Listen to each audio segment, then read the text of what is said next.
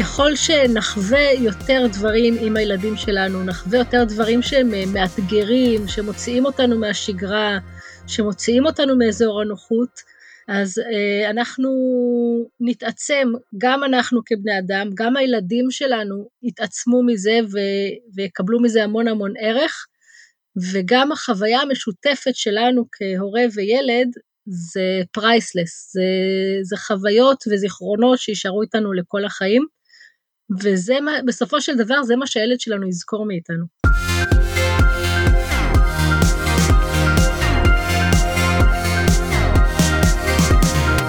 בשביל החוויה, שביט ליפשיץ, בפודקאסט על מסעות, אירועים וערכים. עורכת ומגישה, מיכל אבן. שלום שביט ליפשיץ. היי מיכל. היוזמת המקימה והבעלים של בשביל החוויה, אירועים עם תוכן ומשמעות לחוויה בלתי נשכחת. והיום אנחנו רוצות לדבר על חוויות בלתי נשכחות שהן דברים שאת מאמינה שחייבים לעשות, שכל uh, הורה חשוב שיעשה עם הילד שלו. נכון, נכון, יש כמה דברים כאלה. ולפני שנגלה ונחשוף את הדברים האלה, בואי נגיד באופן כללי, למה יש דברים שחשוב, מה יש בהם, מה טמון בהם באופן עקרוני, שמצדיק שנעשה ושנתאמץ לעשות אותם. וואו, כל כך הרבה דברים יש בהם, וזה גם מאוד מאוד ספציפי. קודם כל יש אה, המון המון המון ערך בדברים האלה, ויש גם את הדברים הספציפיים של כל אה, התנסות כזאת, אבל בגדול, ככל שנחווה יותר דברים עם הילדים שלנו, נחווה יותר דברים שהם אה, מאתגרים, שמוציאים אותנו מהשגרה, שמוציאים אותנו מאזור הנוחות, אז אה, אנחנו נתעצם, גם אנחנו כבני אדם, גם הילדים שלנו יתעצמו מזה ו- ויקבלו מזה המון המון ערך, וגם החוויה המשותפת שלנו כהורה וילד זה priceless, זה, זה חוויות וזיכרונות שישארו איתנו לכל החיים, וזה מה, בסופו של דבר זה מה שהילד שלנו יזכור מאיתנו. אז בעצם אנחנו מדברות על אתגרים, אתגרים שמייצרים התמודדות, וכשאנחנו מצליחים להתמודד, יש כאן חוויה משמעותית. אנחנו עוד רגע נגלה את ההמלצה הראשונה שלך, אבל אני אגיד שאני זוכרת אותה מאז שאני הייתי ילדה ושעשיתי אותה בבית הספר, ואת מדברת על תעשו את הדברים האלה עם ההורים שלכם. ואז אני מנסה לדמיין אותי עושה את זה עם ההורים שלי, ואני אומרת, וואו, אם זה היה קורה זה בטח היה מדהים. אז מה זה הדבר הזה? אה, אני מניחה שאת מדברת על אה, לעלות למצדה בזריחה. נכון. זאת באמת חוויה מדהימה. עכשיו, זאת חוויה שהיא כל כך מדהימה, שאפילו אבא שלי, שהיום הוא כבר אה, בן יותר מ-80, הוא עדיין זוכר שכשהוא היה בבית ספר הוא עלה למצדה בזריחה. אוקיי, זאת באמת, זאת חוויה שהיא, שהיא נשארת איתך לכל, הח... לכל החיים, כאילו אין פה, זה לא מליצי וזה לא איזה קלישאה, זה באמת חוויה שנשארת איתך. ולי יוצא לעלות למצדה בזריחה כמה פעמים בשנה, כל פעם זה מרגש אותי מחדש.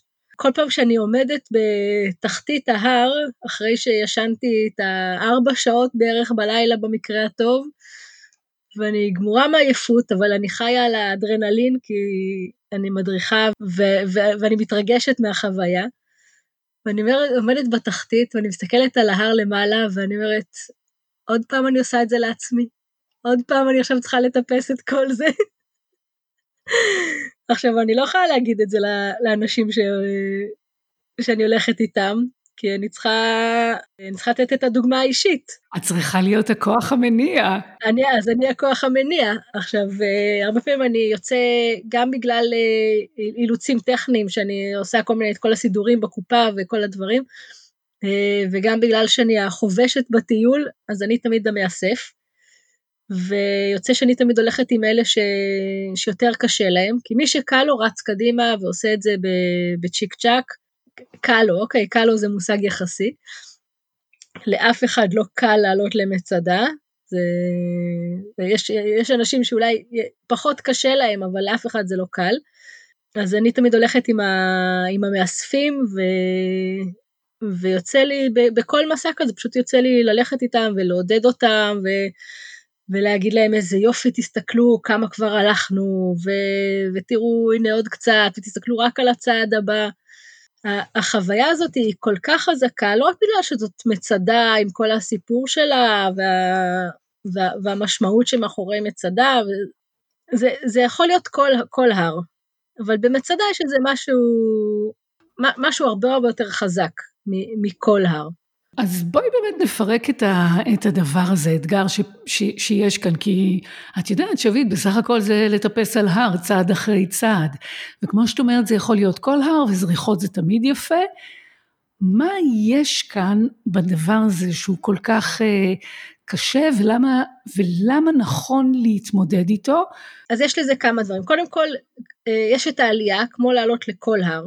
ויש את הלקום מוקדם בבוקר, שזה לקום מוקדם בבוקר לראות זריחה, זה תמיד מאתגר ותמיד הרבה הרבה יותר קל להישאר בחום של השמיכה או של השק שינה, אה, ומעכשיו לצאת לקור הזה שבחוץ, כי תמיד קר בחוץ בשלוש וחצי לפנות בוקר, ולא משנה באיזה עונה זאת, אז זה תמיד לצאת מהחום של השמיכה ומאזור הנוחות תרתי משמע, ולהתעורר, ואחרי מעט שעות שינה זה כבר מאתגר. ולדעת שאתה שם לעצמך מטרה, ואם אה, ערב קודם אתה הולך בהתרגשות לישון ואתה אומר איזה כיף, אני הולך לקום לאזרחה ואני אקום כמו פנתר, אבל בזמן האמת אתה... זה, זה לא כזה פשוט, יש את כל הקולות האלה בראש, אומרים למה אתה צריך את זה? תחזור לישון, הרבה יותר טוב לישון, אתה עייף, אתה, הגוף שלך צריך לנוח, אתה צריך את המשאבים האלה. יש את הקול הזה הקטן של השטן הקטן הזה בראש שאומר לך אל תעשה את זה. אז זה כבר להתגבר על הקולות האלה שמדברים אלינו בראש ומונעים מאיתנו לעשות את הדברים. ואם הצלחנו להתגבר על הקולות האלה פעם אחת, אז אנחנו נוכל לשחזר את, ה- את ההצלחה הזאת גם במשימות אחרות שאנחנו לא נרצה לעשות, ונתמודד עם השדים האלה, ונוכל להשתיק אותם, כי כבר התמודדנו איתם פעם אחת. אז זה כבר התנסות אחת שהיא מאוד מאוד חשובה. וזו תחנה ראשונה ומשמעותית בדבר הזה. עצם ההתגברות על החשק המדכא הזה של לא לעשות, היא כבר מתנה עצומה שאנחנו נותנים לעצמנו. לא היה לי חשק לקום, היה לי קר, רציתי להמשיך לישון, אבל הצלחתי לצאת מהשק שינה, עשיתי צעד ראשון משמעותי כדי להגשים מטרה שהצבתי לעצמי. ממש ככה, זה באמת, זאת התנסות שחייבים לעשות. וזה יותר מזה שאנחנו חייבים לעשות אותה, זו התנסות שהילדים חייבים שהם יתנסו בה. כי זה המפתח להצליח בכל דבר שהם רוצים אחר כך לעשות. כי תמיד יש לנו את הקולות האלה ש... שינסו לשכנע אותנו לא לעשות. גם הפנימיים וגם החיצוניים. והנחישות הזאת זה, זה משהו ש... שאנחנו חייבים לרכוש אותו וחייבים להתאמן עליו. מכאן זה רק התחיל, אבל זה ממשיך. איך זה ממשיך? נעמדים בתחתית ההר, מסתכלים למעלה, מוציאים ככה איזה קללה עסיסית ואומרים, איך עשינו את זה לעצמנו? אין סיכוי שאנחנו נגיע ל, לראש ההר, אנחנו נמות קודם. כמה, כמה מטרים זה? כמה צריך לטפס שם? אז uh, בעצם העלייה היא בקו אנכי זה 450 מטר. המסלול הוא יותר ארוך, כי אנחנו לא עולים בקו אנכי, אבל זה טיפוס של 450 מטר בערך. אז בן אדם עומד בתחתית, נושא עיניו למעלה, 450 מטר גובה, איך לא להתייאש באמת? זה מפחיד. נכון, ופה נכנסים כמה דברים. קודם כל, העניין של להציב את המטרה אה, המאתגרת, לא את המטרה שברור שאנחנו נוכל לעשות אותה, אלא אנחנו תמיד צריכים להציב מול העיניים איזושהי מטרה שהיא תהיה קצת מעבר למה שאנחנו חושבים שאנחנו יכולים. אומרים אה, תכוון, לירח, מקסימום תגיע לכוכבים, אני חושבת שהמשפט הזה אמור להיות הפוך, כי הירח יותר קרוב אלינו, אבל אה, זה. תכוון לכוכבים, מקסימום תגיע לירח, אז תכוון גבוה, כי רק אם תכוון גבוה אתה תגיע גבוה. אם תכוון נמוך, אתה תגיע נמוך. אז זה ככה, זה בתור התחלה. ואתה פשוט מתחיל לעשות צעד, ואני תמיד אומרת להם צעד צעד, וגם הנמלה תגיע לפסגת ההר. אנחנו מתחילים בצעד אחד, כי צעד אחד כולנו יכולים לעשות, ואחרי שעשינו צעד אחד, אנחנו עושים עוד צעד. זה נכון לשים את המטרה גבוה ורחוק, אבל uh, כל מטרה אנחנו צריכים לפרק לחלקים. וככה אנחנו מתקדמים בצעד צעד, ואז מגיעים לח, לחלקים התלולים יותר, ששם אנחנו מסתכלים ורגע נעצרים, לוקחים נשימה, ועושים צעד, עוד מדרגה, נעצרים, עוד מדרגה, נעצרים, וזה בסדר לעצור, ולא חייבים לרוץ את זה, ובסופו של דבר, כולם מגיעים לפסגה. זאת אומרת, אין דבר כזה שמישהו נעצר, וזה גם משהו שאני אומרת להם, בסופו של דבר, אתם תגיעו לפסגה, והזמן הוא לא פונקציה. בסדר? זה לא משנה בכמה זמן זה ייקח לכם, אנחנו נעשה את זה כמה, ש... כמה שצריך, ותנוחו כמה שאתם צריכים, העיקר זה כל הזמן להתקדם. בערך ב... בשליש הדרך כבר uh, כולם עם הלשון בחוץ, ואז uh, יש שם איזושהי סככה שהיא בדיוק בשליש, ואנחנו רואים אותה ככה, רואים אותה מרחוק, ואני אומרת להם, הנה רק בספסל אנחנו נעצור ו- ונשב. אבל בואו נתקדם עד, עד לספסל הזה, וזה כבר מתחיל להיות די קשה להגיע לספסל הזה. ופתאום כל החיים, כל מה שאתה רוצה, מתמצא בסככה וספסל. לגמרי, ספסל וסככה, ורגע לנשום, לעצור רגע ולנשום, ומהסככה הזאת אתה בעצם, זאת הזדמנות ל- להסתכל על הדרך שעשית. ואתה מסתכל על כמה כבר עברת, וזה כבר נהיה מרשים, כי פתאום רואים נוף. זה כבר, uh, אתה לא בגובה של, uh, של פני הקרקע, אתה כבר מעל, ואתה כבר רואה את ההתקדמות. והשמיים כבר מתחילים להתבהר, אתה כבר, כבר אין את החושך שהתחלת ללכת בו. אז השמיים מתחילים להתבהר ועם הצבעים של הזריחה, וזה יפהפה על הרקע שם של ים המלח. זה מאוד יפה ומאוד מרגש. אז אתה נעצר והנשימה ככה מסתדרת ואתה נושם את האוויר הצח ואת הנוף הזה, ולוגם איזה שלוק מים, וממשיך הלאה. אין ספק שמי שהחליט למקם באותה נקודה את הספסל והסככה, חשב על לספק מנוחה, חשב על אה, ערך נופי שיש לנקודה הזאת. אבל יש כאן גם ערך עצום לדבר הזה שאת רוצה להעביר דרך המשימה הזאת. כי אותה נקודת ציון של אותו ספסל וסככה מדגימים את המסר שלך. כשאתה עוצר שם ומתבונן, אתה רואה מעבר לנוף היפה את הדרך שעשית, ואתה רואה בעיניים את מה ששביט רוצה כל כך ללמד אותך, שכשעושים, מתקדמים. נכון, ולא משנה הקצב. זה, זה, זה מה שחשוב, לא משנה הקצב, אבל כשאתה, כשאתה עושה צעד, אתה מתקדם. וזה זה, זה חוק טבע, זה אקסיומה. באיזה מצב את מוצאת את האנשים בנקודה הזאת? הם, הם קשה להם, הם הלכו, הם עייפים, הם מותשים, הם מזיעים. הם כן עצרו, נשמו, שתו. זה נותן להם פוש ואנרגיה להמשיך, או שזה גורם להם להגיד, עשיתי את שלי, אני לא יכול יותר, תני לי, זה, זה גם יפה מה שעשיתי, או שאולי זה מעורב, חלק ככה, חלק מרגישים ככה. חלק ככה, חלק ככה, התגובות הן אה, מגוונות ושונות ואין אה, משהו אחיד של כולם. רוב האנשים זה ככה, הם צריכים את הרגע נשימה והם ממשיכים כי יש להם את המטרה הגדולה. יש את, ה, את המעט שאומרים די, די, אני לא יכול, אני לא יכול וזה, ואז אני אומרת להם, תקשיבו, זה היה החלק הכי קשה. זה היה השליש הכי קשה של, ה, של ההליכה. אחר כך זה כבר אה, נהיה יותר קל, כי זה כבר מדרגות, וכל מדרגה זה מעלה אותך יותר. וזה נכון או שככה את מוכרת להם את ההמשך? ב- לדעתי זה נכון, כי גם לי החלק הזה הוא הכי קשה, כי אחר כך אתה כבר נכנס לאיזושהי רוטינה כזאת של עלייה ושל מדרגות, ואתה גם רואה את ה... ככל שאתה עולה יותר, אז אתה רואה יותר את הסוף. בהתחלה, בשליש הראשון, הסוף הוא עוד מאוד מאוד רחוק, זה נראה לך כאילו אתה לא מתקדם, כאילו אתה חותר נגד הזרם ואתה נשאר באותה נקודה, ואז עצם זה שאתה רואה גם את ההתקדמות, ואחר כך אתה יותר ויותר, אתה רואה את, ה, את, ה, את פסגת ההר מתקרבת אליך, אז אה, זה מעודד אותך, כאילו אתה מבין שזה, שזה אולי אפשרי אפילו. אגב, אם מישהו רוצה לעשות בנקודה הזאת אה, אחורה פנה, אומר, די לי. זה, הדרך היחידה היא לרדת ברגל חזרה? הדרך היחידה היא לרדת ברגל חזרה, זה עוד לא קרה. וזה בטח גם משהו שנותן פוש אה, אה, להמשיך. זאת אומרת, או שאני יורד את זה חזרה למטה, או שאני ישן כאן, ואני לא ישן כאן הלילה. נכון, זה כן, זה כאילו זאת לא אופציה בכלל אה, להסתובב ולחזור, האופציה זה להמשיך קדימה. אז איך נראה ההמשך? ההמשך הוא כבר, אה, כמו שאמרתי, הוא כבר יותר ויותר קל, כי הפסגה מתקרבת. אה, נכון שאנחנו יותר עייפים ויותר מזיעים ויש יותר את המאמץ הפיזי, אבל אתה כבר רואה את החבר'ה הראשונים כבר מגיעים למעלה.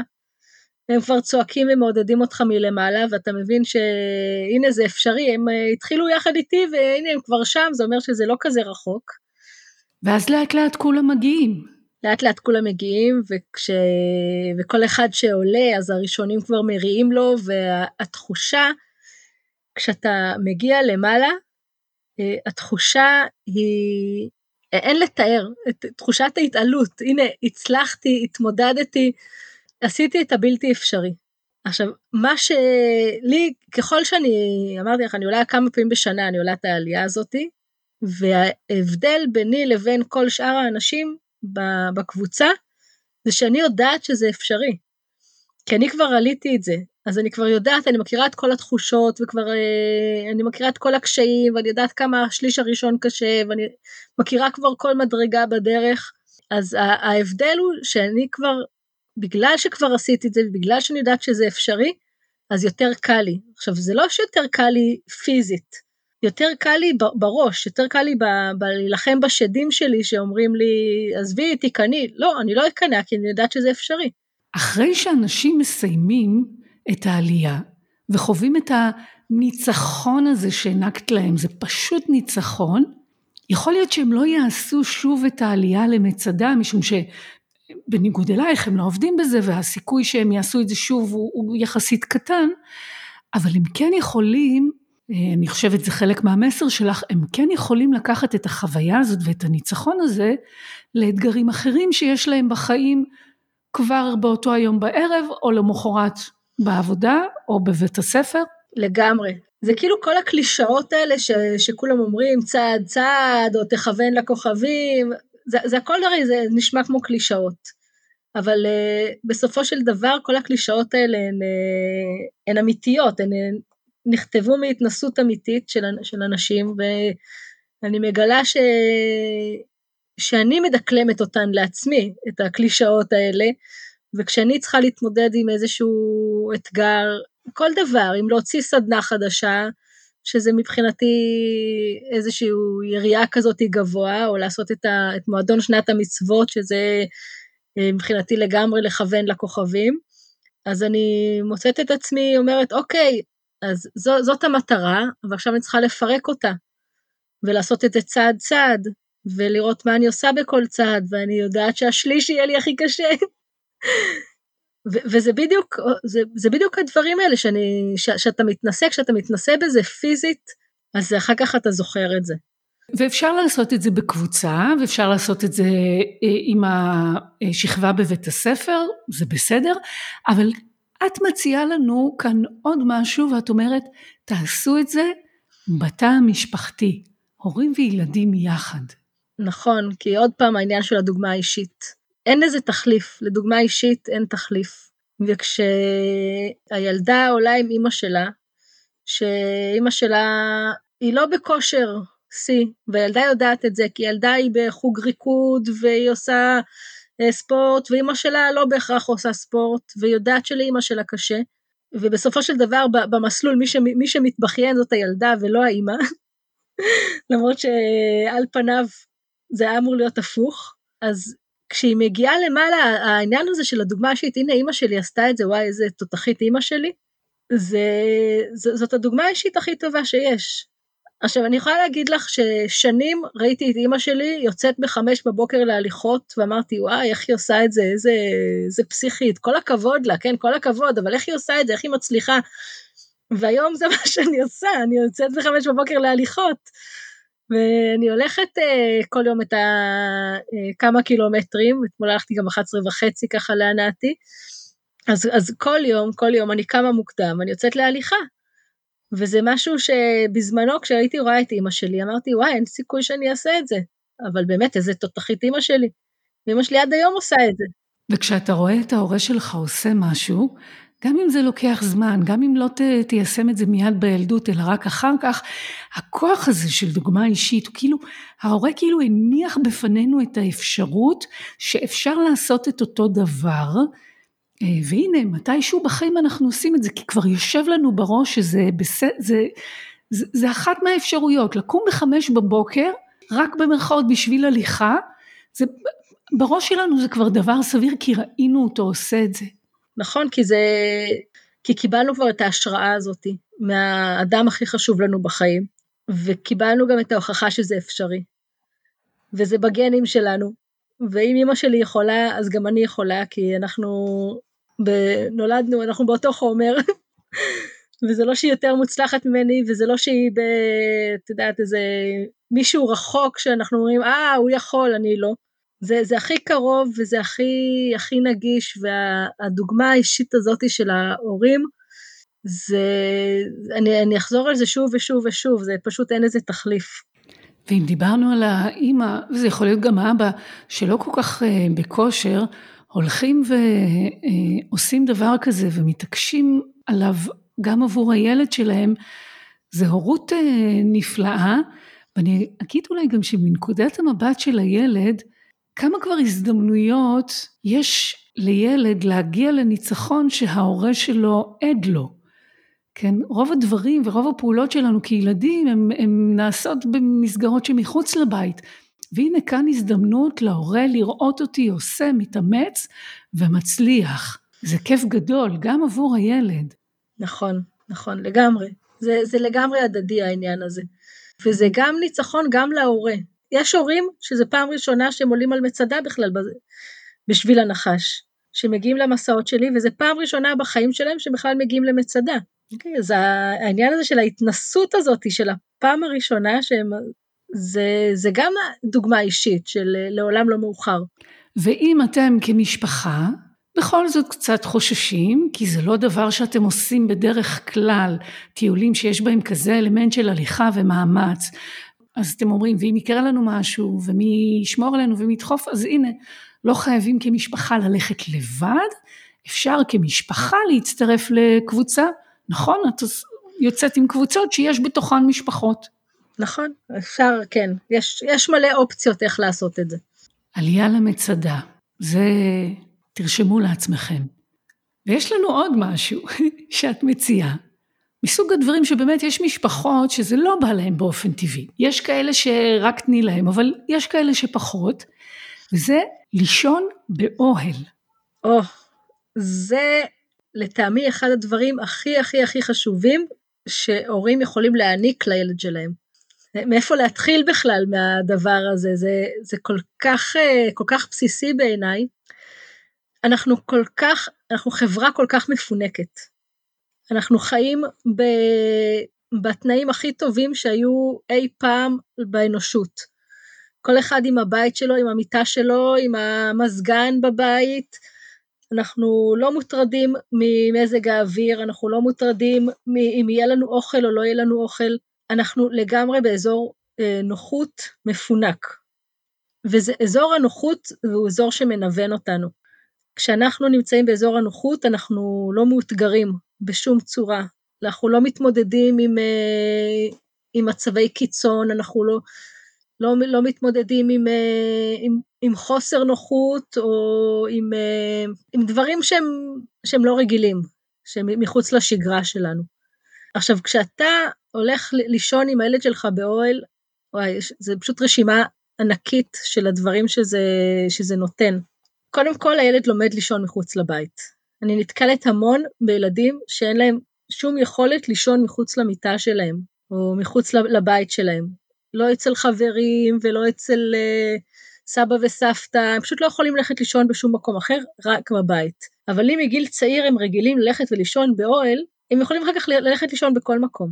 שלא לדבר על זה שהם, כשהם אה, מגיעים לצבא, ושם הם חייבים לישון מחוץ לבית או לישון באוהל בטירונות, אז הם כבר רגילים, זה כבר לא חדש להם, כל העניין של ההתמודדות הזאת עם הצבא, שאין מה לעשות, אנחנו עדיין בישראל ועדיין הילדים אה, הולכים לצבא, אני זוכרת שכשהבן שלי עכשיו בצבא, כשהוא נולד, אני זוכרת, אה, עוד 18 שנה אולי כבר לא, לא יהיה צבא חובה, אז אין מה לעשות, אז הם עדיין יצטרכו להתמודד עם זה מתישהו, אבל אם הם יהיו רגילים לזה מגיל צעיר, אז גם ההתמודדות הזאת בצבא תהיה להם הרבה הרבה יותר קלה.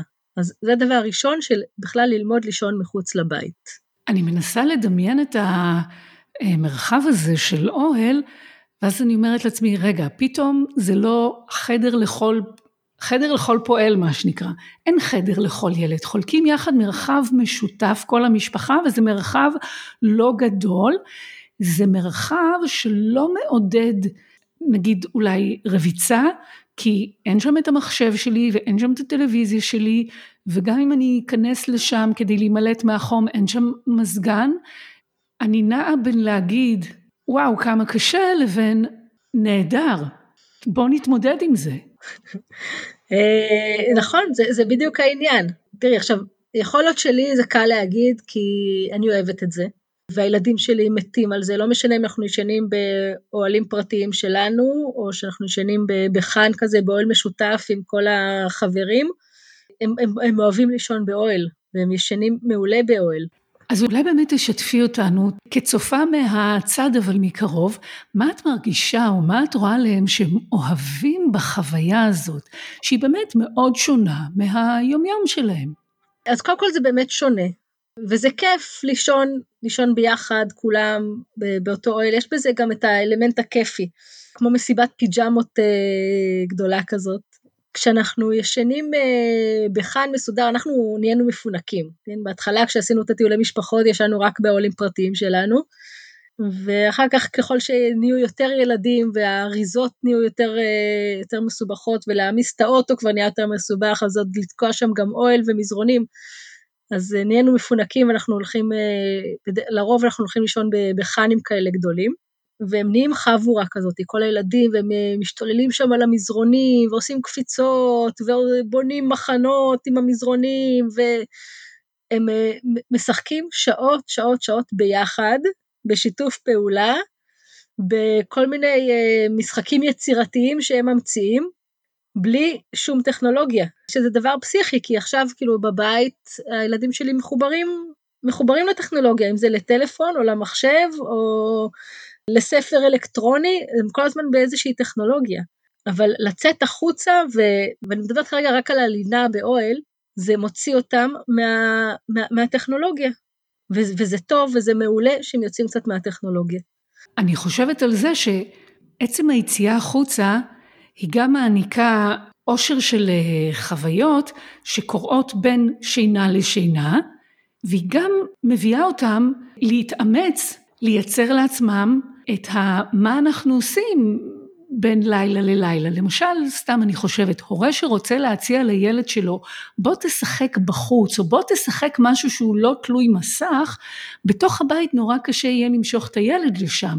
אבל כשנמצאים בחוץ או בטבע, והילד כמה לאיזושהי פעילות, למשהו לעשות, ללא להשתעמם, יש צ'אנס להורה להציע אולי משחקים שהם לא טכנולוגיים. בואו נראה מה אפשר לעשות עם האבנים שבחוץ, בואו נראה מה אפשר לעשות עם השטח שבו אנחנו נמצאים, ואולי אפילו לא צריך את ההורה, כי כמו שאת אומרת, הם נהיים מאוד יצירתיים שם. נכון, לגמרי. ההורים, זה לא שאנחנו לא משחקים, יש לנו גם את המשחקים שההורים אה, משתתפים בהם, אז הם, הם כבר אה, יחידה עצמאית, הילדים. אה, הם מפעילים את עצמם, הילדים הגדולים מפעילים את הקטנים, לפעמים הם משחקים כולם ביחד, מגיל 18 עד גיל 4 הם כולם ביחד משחקים, ולפעמים הם מחולקים לשתי קבוצות גיל, והם לגמרי כבר אה, מפעילים את עצמם, ו, וגם כיף מאוד כשההורים גם אה, מצטרפים למשחקים, ויש לנו גם הרבה מאוד זיכרונות מהמשחקים הורים נגד ילדים, או כל מיני, יש פשוט כל כך הרבה משחקים יצירתיים וכל כך הרבה צחוקים שצברנו, חוויות מצחיקות ו- וכיפיות שצברנו במהלך ה... אה, העשרות שנים שאנחנו כבר מטיילים ביחד וישנים באוהלים האלה המשותפים. משהו מאוד מאוד חשוב שהלינה באוהל מלמדת אותנו, זה צניעות וענווה והכרת הטוב, הודיה במה שיש לנו. כי כש, כשאתה בא לישון באוהל ואתה ישן באוהל לילה, שניים, שלושה, זמן, זמן מוגבל, ואחר כך אתה חוזר הביתה, אז אתה אומר, וואי, איזה כיף לחזור הביתה, איזה כיף לחזור למיטה הנוחה שלי, כי זה לא, לא נוח לישון באוהל, אוקיי? אני, כמה שאני אוהבת את זה, זה לא, אני לא ישנה שם טוב, אני קמה בס... ב... עם כאב גב, זה לא, זה לא נוח, אוקיי? זה, זה, לא, זה לא נוח. אה, אני עדיין אוהבת את זה, כי החוויה מסביב היא כל כך חזקה, ש, שזה שווה את, ה, את החוסר נוחות הזאת. ובאמת זה, זה מלמד את הילדים להסתפק במועט. לא חייבים את כל האביזרים ואת כל המנורות לילה ואת כל המצעים המפנפנים ואת כל מה שיש לנו בבית, שכל אחד מאיתנו יכול להסתכל אצלו בבית ולהגיד, אני לא צריך בשביל לחיות חיים טובים, אני לא צריך את כל הדברים האלה שצברתי. אני יכול לחיות נהדר באוהל, בחוץ, ו- ו- ולהיות שמח, ולהיות שמח בחלקי, גם בלי כל הדברים האלה. אז, אה, אז קצת ענווה וקצת צניעות, וקצת אה, הודיה על מה שיש לנו ועל זה שאנחנו לא חייבים לישון באוהל כל הזמן, ושאנחנו יכולים אה, גם להתפנק בבית, וזה בסדר להתפנק בבית, אבל גם להיות מסוגלים לצאת מהאזור הזה. כשיש לנו את אפשרות הבחירה, אז יש לנו את, העצמא, את העצמאות שלנו. ואם אנחנו תלויים בחיי המותרות, אז אנחנו לא עצמאים. ואם יקרה משהו שאנחנו ניאלץ אה, להיפרד מחיי המותרות, אז אנחנו, אנחנו נהיה חסרי אונים. וזה בדיוק העניין של, אה, של להיות עצמאי. להיות עצמאי זה להיות בעל יכולת לבחור איפה אתה רוצה לחיות, או עם מי אתה רוצה לחיות, או באיזו צורה. ולהיות עצמאי זה גם להיות מסוגל להתמודד עם כל דבר שהחיים אה, יביאו לך. עם יצירתיות ועם תושייה הגמישות המחשבתית והגמישות הפיזית, אבל לא במובן של להיות עכשיו נערת גומי, אלא גמישות פיזית זה, אוקיי, אז אני יכול לי לישון מחוץ לבית. זה, פשוט, בעיניי זה, כל כך אה, מובן מאליו שזה must, שכשאני שומעת על הורים שמעולם לא ישנו באוהל בחיים שלהם, לא מדברת על ילדים שלהם, אבל שההורים עצמם מעולם לא ישנו באוהל, איך, איך יכול להיות? איך יכול להיות שמעולם לא ישנתם באוהל? בבית שלנו אנחנו השליטים והשולטים.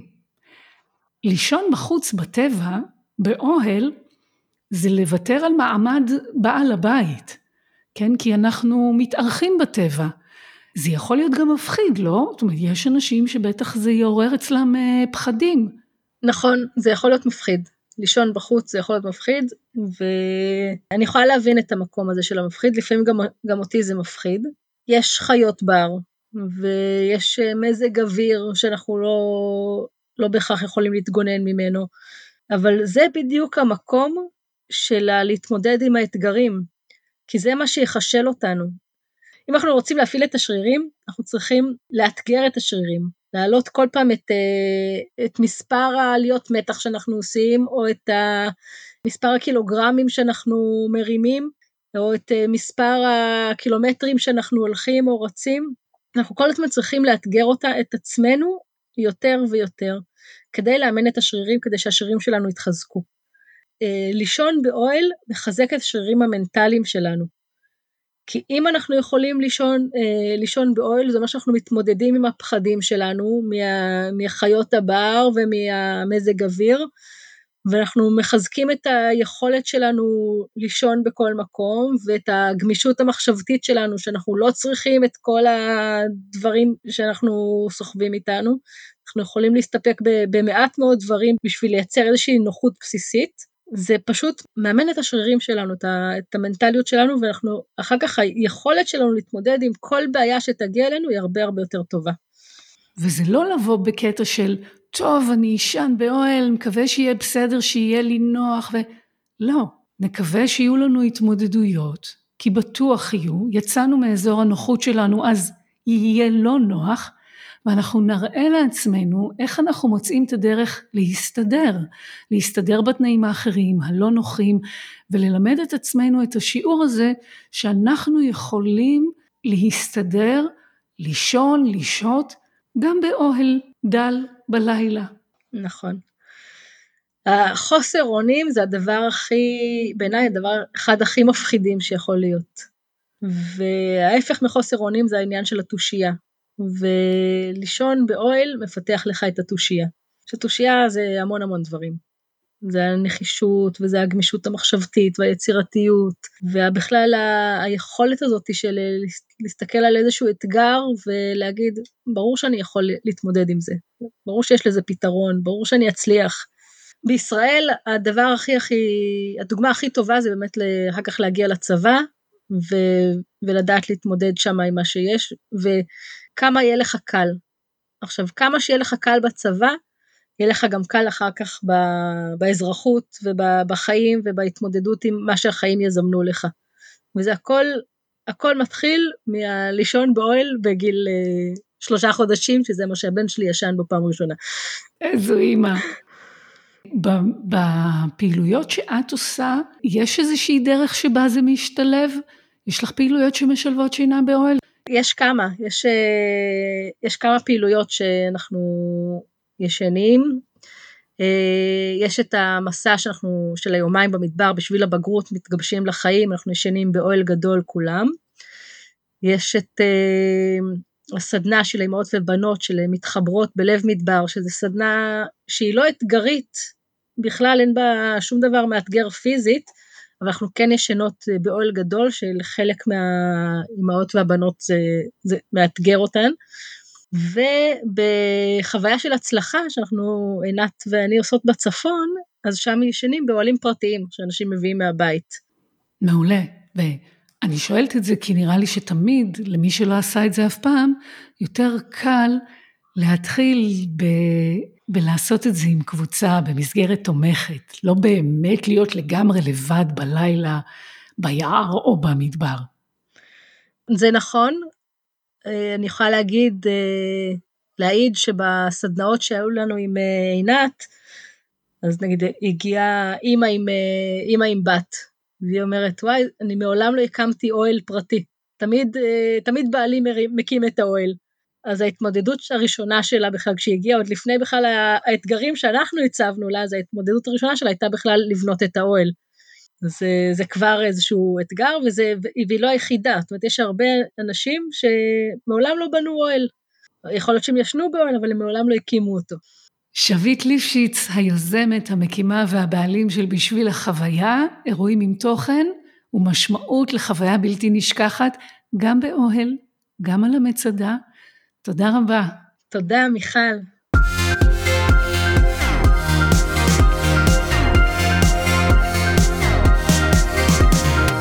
בשביל החוויה, שביט ליפשיץ, בפודקאסט על מסעות, אירועים וערכים. עורכת ומגישה, מיכל אבן.